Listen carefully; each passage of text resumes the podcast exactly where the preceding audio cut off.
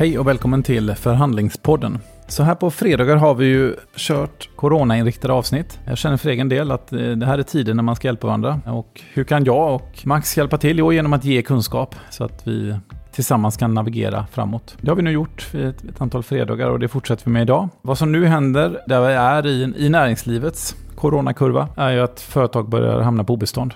Det vill säga när man inte kan betala sina skulder allt efter att de förfaller. Hur ska man tänka när pengarna är på väg att ta slut? Vad är det här med rekonstruktion, konkurs? Sen kan det också vara så att du kanske sitter i en bra station, men du har kunder, eller leverantörer eller partners som inte gör det. Som är på väg in i obestånd. Hur ska man då tänka? Så att eh, jag tror och hoppas att det här det rätt korta men ändå matiga avsnittet ska hjälpa er att ta koll på de här sakerna. För det behöver man ha nu. Alla företag kommer komma i kontakt med obeståndsfrågor och då behöver man veta vad som gäller. Och då träffar jag min kollega Mats Romell. Han är chef för vår obeståndsavdelning och eh, har mycket, mycket lång erfarenhet både som konkursförvaltare, rekonstruktör etc. Det Mats inte vet i det här ämnet är inte värt att veta. Så Mats ska berätta för oss vad som gäller i de här frågorna. Så eh, Ja, hoppas att eh, det här är ett avsnitt som lär er något, så krigar vi på tillsammans där ute.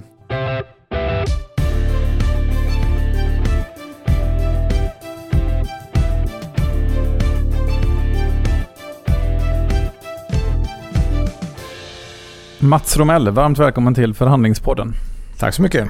Du, eh, jag förstår att du har bråda dagar. Vad händer när eh, telefonen ringer? Ja, det är ju mycket eh, samtal nu kring obeståndsrättsliga frågor. Bolag som hamnar i ekonomisk kris i den här märkliga situationen som vi befinner oss nu med coronakrisen. Det är ju väldigt olika från bransch till bransch. Men det är ju vissa branscher som drabbas väldigt hårt. Det har vi alla läst om. Besöksnäringen, restaurangbranschen och så vidare. Och då är det många frågor som uppkommer när eh, likviditeten blir sämre och sämre och vad man har för möjligheter att vidta åtgärder. Precis, och jag tänkte att vi skulle börja med att bara prata om den rätt, rätt jobbiga men ändå tydliga situationen att man är företagare och pengarna är på väg att ta slut. Går in på kassabank i balansräkningen och ser att det närmar sig noll. Hur ska man tänka? Vad ska man göra?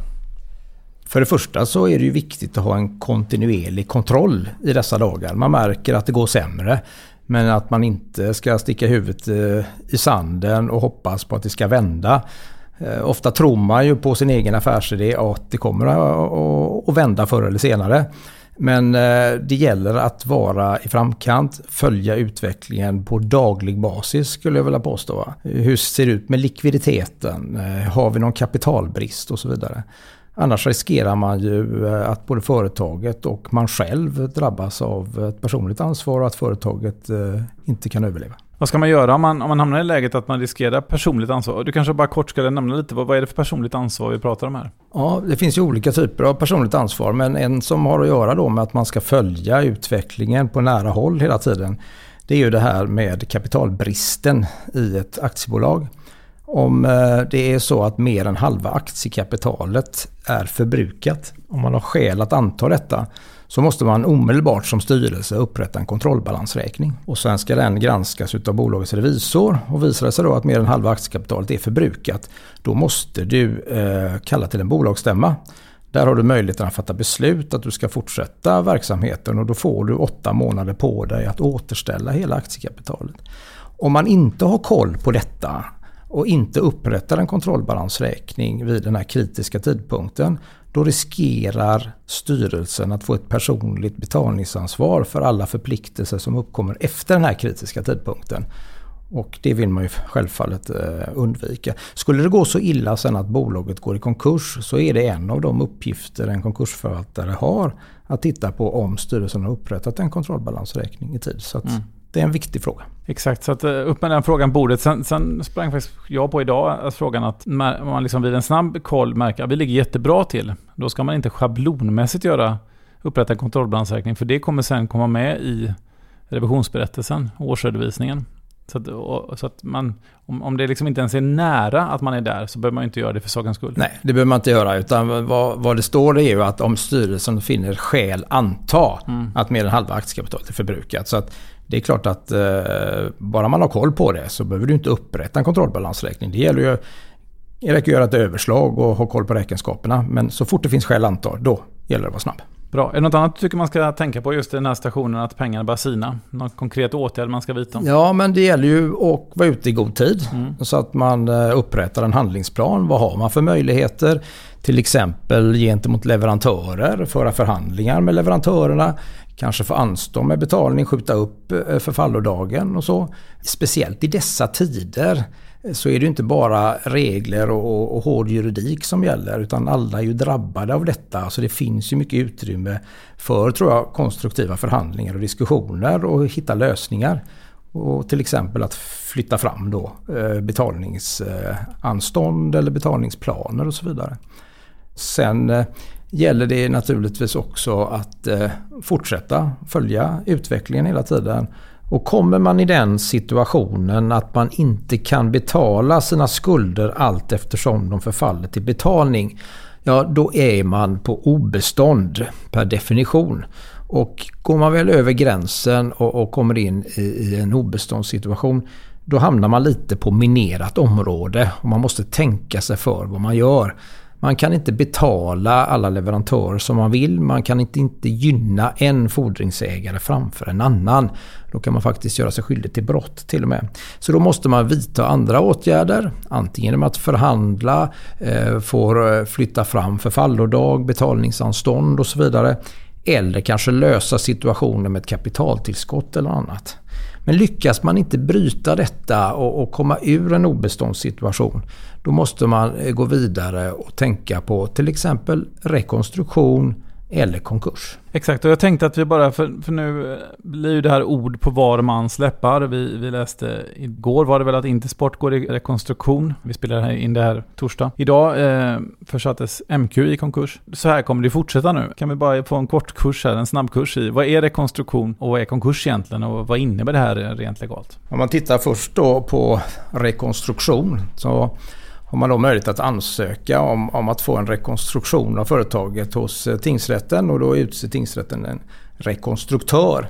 Och där ska det finnas en rekonstruktionsplan. Och man kan ju säga att förutsättningarna för en rekonstruktion det är ju att det är ett bolag som har en sund verksamhet men som av yttre omständigheter har hamnat i någon form av ekonomisk kris med för mycket skulder som man inte kan betala. Det är en obeståndssituation i sig men det är yttre omständigheter och det finns väl knappast ett bättre exempel med det som vi har idag med den här coronakrisen. För att vid ett rekonstruktionsbeslut då fryser man balansräkningen man får inte betala några gamla skulder, det blir alltså en betalningsinställelse. Och en rekonstruktör då eh, fungerar som någon form av överrock kan vi väl säga till eh, bolagsledningen. Annars fungerar eh, företaget som vanligt och tuffar och går. Men rekonstruktörens uppgift är ju också att försöka hitta en lösning ut ur krisen. Och det är att bland annat då att lägga fram ett ackordsförslag gentemot de här gamla skulderna som finns. Det brukar ofta hamna på 25 procent då. Och så gäller det att försöka få igenom det. Då måste det också finnas pengar för att betala ut ackordslikviden förstås. Så att det är också kopplat till det här med att ha koll på likviditeten. Är man helt utan pengar så måste man ju lösa den finansieringen på annat sätt. Så mm. sen får man ju också hjälp då eh, med eh, lönegarantin, den statliga lönegarantin under rekonstruktion. Och det finns ju ett andrum helt enkelt. Att stanna upp lite. Du riskerar inte att bolaget går i konkurs heller.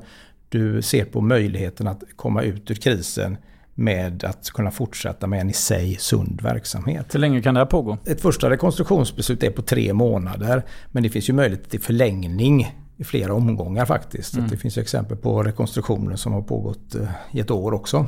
Men det måste hela tiden försvaras då med rekonstruktionsplaner och att fordringsägarna är med på detta och att man ser en ljusning.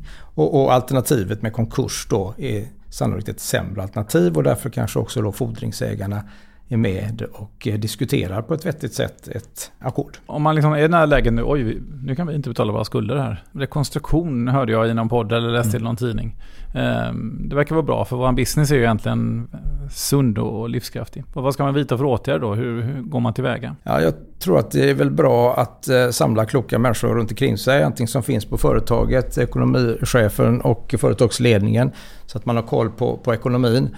Och sen eh, tillsammans med någon som man har förtroende med som kan bli en rekonstruktör. Som eh, normalt sett då är en eh, jurist som är kunnig i obeståndsrättsliga frågor och har haft eh, andra rekonstruktioner och konkurser. Så att man får klart för sig regelverket. Eftersom det måste till en rekonstruktionsplan då som, som ska godkännas utav tingsrätten när man fattar ett beslut.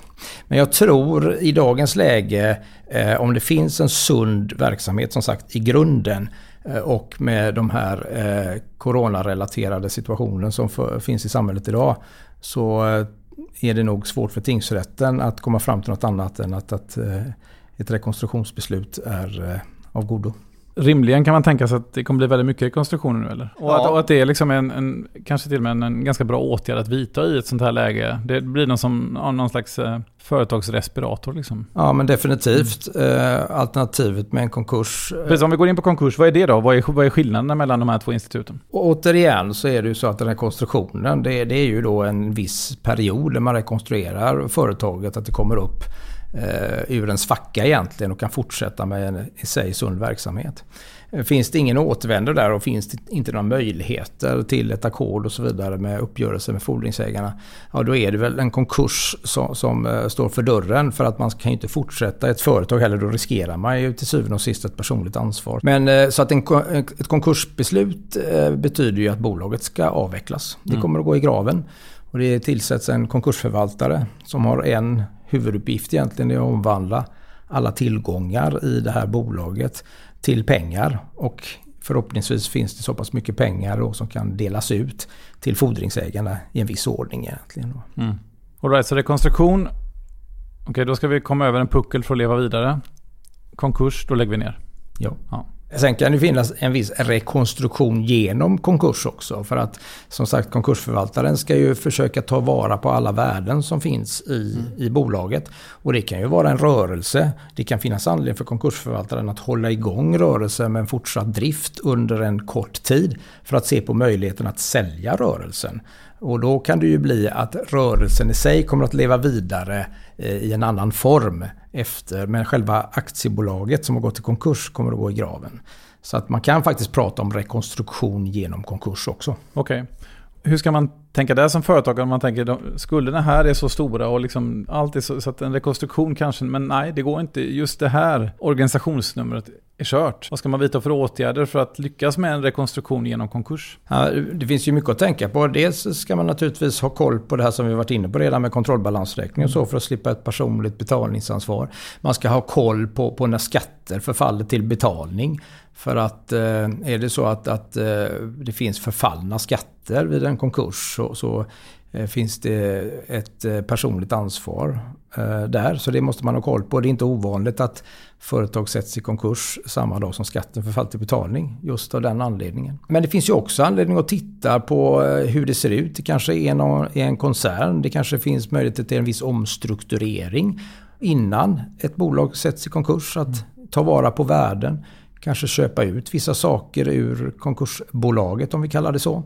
Eh, det måste man ju vara noga med hur det går till för att man får ju inte se till att det fordringsägarna kommer i en sämre ställning så att man tömmer bolaget. Men om man betalar ett marknadsvärde för saker och ting som ingår i konkursbolaget så kan man ju göra det. Och det kan ju finnas anledning att tänka på sådana strukturella åtgärder. Ja men det kan vara värt att bara lyfta upp den frågan. För det är kanske någon som tänker att man är smart och tänker att ja, jag ger bort allt det här bolaget har till ett annat bolag jag har.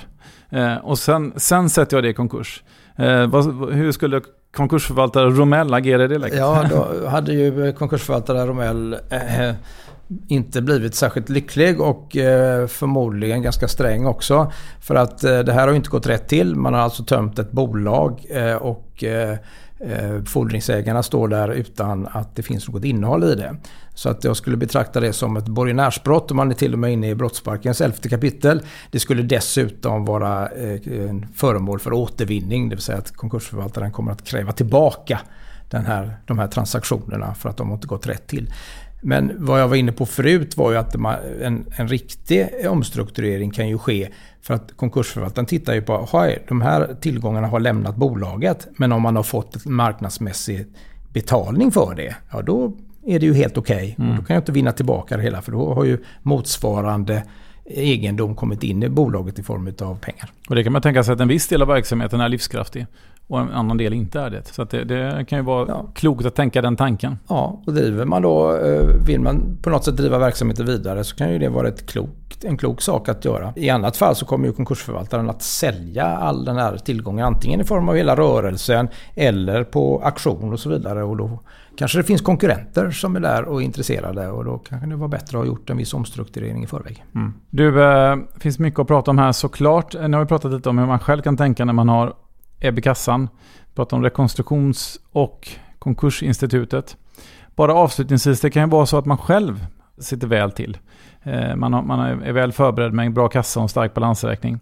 Men du har kunder eller leverantörer som du eh, kanske läser i tidningen eller får, på annat sätt får information att de är på väg in i en rekonstruktion eller konkurs. Vad ska man göra då?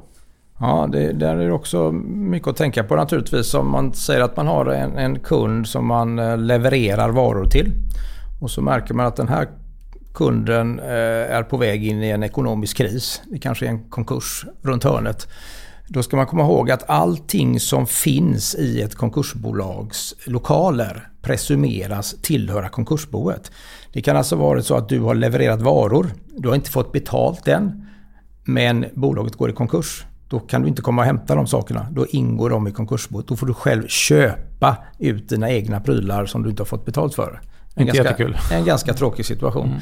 Man kan ju tänka sig olika säkerhetsåtgärder med konsignationslager och så vidare för att uppnå så kallad separationsrätt. Det vill säga att man kan visa att det här är mina saker för att få ut det ur ett konkursbo. Men det är ganska knepigt och konkursförvaltaren kan ha synpunkter på om det är ett giltigt avtal och att lagret har behandlats så som det ska göra också. Så att det får man vara mycket aktsam för.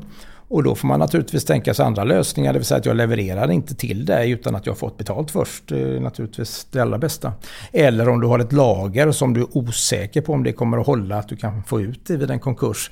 Ja, då kanske du ska tänka på att kanske hämta hem det lagret om det är så att din kund är på väg in i en konkurssituation till exempel. Mm. Och, och, som du sa initialt också Mats, nyckeln här är såklart kommunikation också därför att vi, vi vi är i ett läge där det är bra att ha information men också där man kan hjälpa varandra. Nu, nu, är, nu är det ju tid att vara noggrann och aktsam men kanske inte egentligen att vi vill inte att vi ska vara elaka mot varandra. Nej, verkligen inte. Och jag tror att de flesta har den inställningen faktiskt. Att väldigt mycket kommunikation och försöka hitta lösningar som inte bara eh, har med hårda eh, juridiska regler att göra. Det är bra att känna till regelverket och utifrån det och med den kunskapen kan man säkert hitta lösningar eh, som båda parter är bekänta av. Mm. Det tror jag. Du, eh, Mats.